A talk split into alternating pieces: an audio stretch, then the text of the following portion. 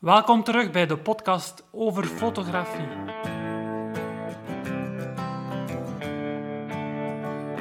De Nederlandstalige podcast, volledig gewijd aan fotografie.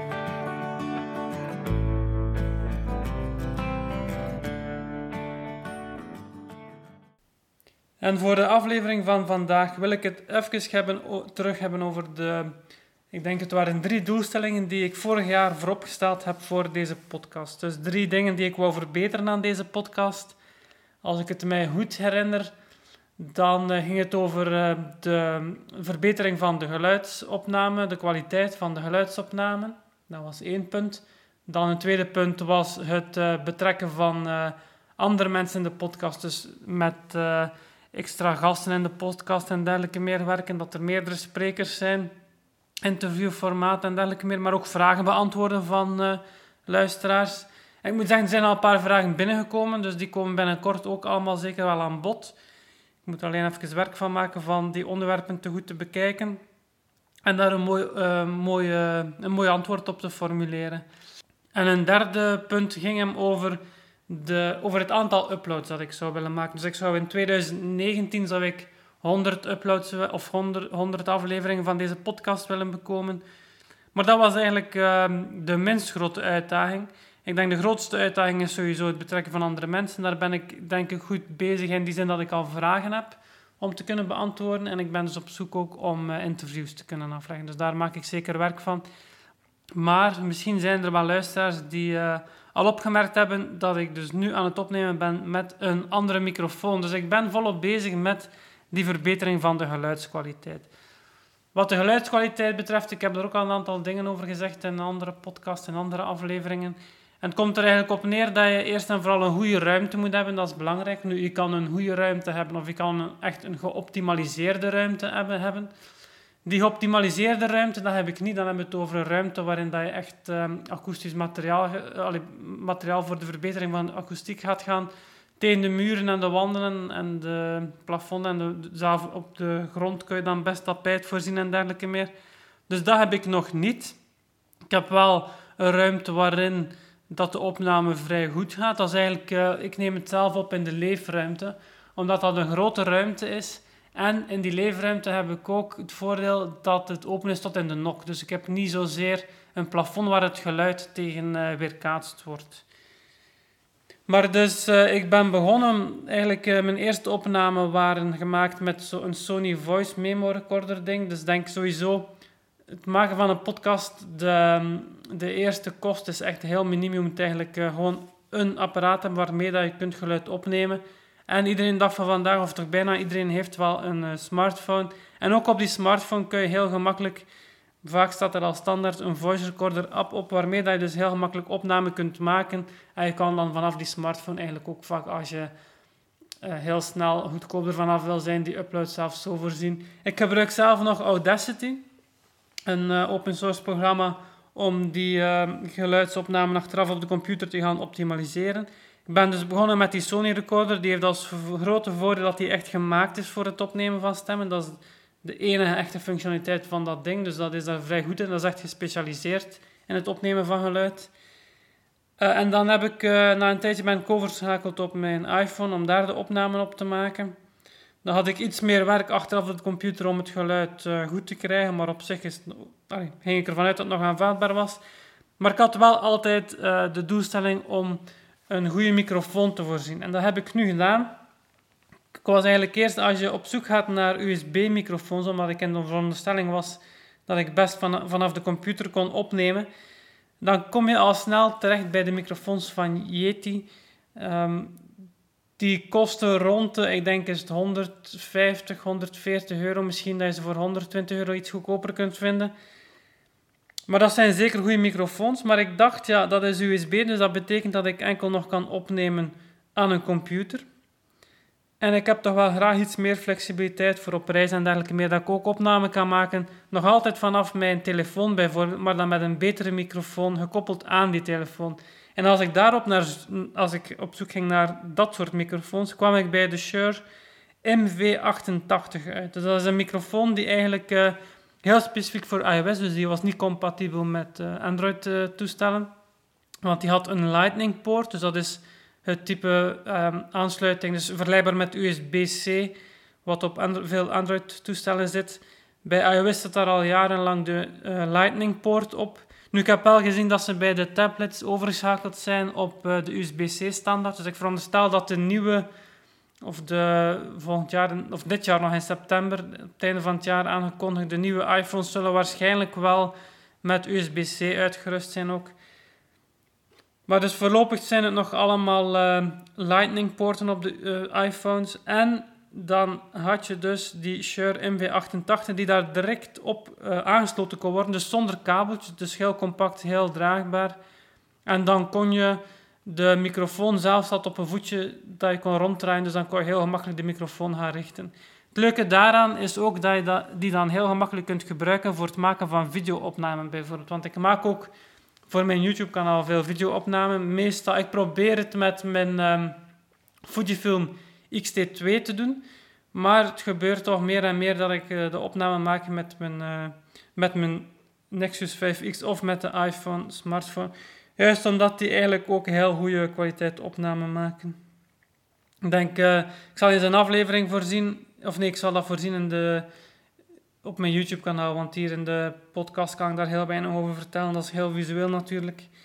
Maar dus uh, het probleem van die MV88 is dat hij ook nog wel, ik denk als je hem nieuw koopt, goedkoopste dat ik kon vinden was 144 euro. Dus dat is nog vrij veel geld. Ik had dan een, op eBay een, uh, een tweedehands optie gevonden, maar die heb ik dan op het laatste moment toch niet gewonnen, want dan bleek dat ze daar tot 100 euro voor geboden hebben. En ja, dan kun je even goed 40 euro opleggen voor een nieuwe, denk ik. Ik had mijn maximum bot lag uh, rond 70 euro, denk ik. Maar daar ben ik dus gemakkelijk overboden. Dus dat blijkt nog altijd een populaire microfoon. Maar een uh, tweetal weken terug, eigenlijk niet zo heel lang geleden, zag ik een advertentie. Nee, het was geen advertentie. Het was op uh, The Verge of op Engadget.com, op een van die websites. Ik denk zelf dat het naar aanleiding was van de E3-beurs, een, een technologiebeurs dat uh, Shure een opvolger had aangekondigd voor de MV88, namelijk de MV88 Plus. En het meest, het interessantste aan die 88 Plus was eigenlijk dat die enkel leverbaar was in een zogenaamde videokit. Dus dat betekende dat je, die, um, dat je dus aan de ene kant die microfoon kreeg, maar dat je ook allerlei... Um, een, uh, je kreeg bijvoorbeeld een Manfrotto Pixie statief bij en een soort uh, klem om je smartphone op die Manfrotto statief te koppelen en dan nog een, eh, een tasje om alles op te bergen, een, een windscherm voor op de microfoon. En, ook interessant, de MV88 Plus Shure microfoon is zowel compatibel met iOS als met Android. En zelf ben ik sinds een drietal maanden terug overschakeld op iOS, vooral omdat de videokwaliteit van iOS nog altijd beter is dan bijna elk ander um, Android-toestel. Maar ik ben wel een Android-ontwikkelaar en ik heb ook altijd wel Android-telefoons. Dus dat lijkt me wel handig dat ik dan beide kan gebruiken. Plus, als uh, Apple voor de nieuwe iPhones ooit beslist om toch op USB-C over te schakelen, dan zou deze microfoon dus nog altijd compatibel moeten zijn met de laatste nieuwste iPhone-modellen. Nu, ik heb hier de doos bij mij. Uh, dus wat aan mij vooral aansprak was eigenlijk gewoon dat je het ook kunt gebruiken om video te maken. Dus ik kan die nu gebruiken voor mijn podcast uh, onderweg en dergelijke meer, voor het opnemen daarvan. Maar ik kan die ook perfect gebruiken om betere geluidskwaliteit te bekomen als ik video maak met mijn uh, smartphone, eigenlijk met mijn iPhone of mijn Nexus telefoons. Er zit ook ehm, een app bij, waarmee dat je dus de instellingen van de... Ja, eigenlijk is het gewoon een... Um, een microfoon, dus een, een, microfoon die als input dient voor uw toestel. De, de opname zelf gebeurt natuurlijk nog wel altijd op uw uh, smartphone. En dan zit er op uw smartphone een app waarmee dat je de instellingen kunt verrichten om het beste geluid uit die opname te halen. Daar zijn dingen in, zoals bijvoorbeeld... Het is vrij geavanceerd hoor. Je kan... Uh, gelukkig hebben ze bepaalde profielen opgesteld, zoals bijvoorbeeld stem, uh, interview, muziek, concert, neutraal en dergelijke meer. Ze hebben een aantal profielen. Maar je kan dus heel gemakkelijk uh, op het scherm je opname volgen en eventueel bijstellen moest dat nodig zijn. eigenlijk het, het beste, ehm, ja, de beste evaluatie van de nieuwe microfoon is eigenlijk puur de geluidskwaliteit van deze opname. Want dit is dus de eerste opname die ik maak met die nieuwe microfoon. Ik hoop dat het beter is, dat het erop vooruit gaat. En uh, ik denk dat het vooral als ik dan uh, mensen te gast heb, sprekers te gast heb, die gaan, dan ga ik dus met meerdere in de microfoon moeten praten. Ik denk dat het vooral dan heel gemakkelijk zal zijn. Want het is bijvoorbeeld ook een stereo microfoon, terwijl dat de iPhone zelf neemt, of toch het model dat ik heb, de iPhone 8 neemt enkel in monogeluid op. Ik geloof wel dat de, de X, de, de 10 modellen, de iPhone 10R en dergelijke en S, dat die wel al in stereo, kunnen, uh, stereo geluid kunnen opnemen. Ja, ik kan heel snel de features, maar als je geïnteresseerd bent, ja, misschien nog snel de levering. Dus eigenlijk, uh, toen ik zag dat die kit aangekondigd was, ben ik op zoek gegaan. Maar de webshops die de Shure MV88, dus het vorige model hadden, konden allemaal niet de, het nieuwe model leveren. En op de twee weken terug stond op de Shure website zelf kon je alles in je winkelmandje plaatsen, behalve die MV88 Plus kit. Waarschijnlijk omdat die nog iets te nieuw was.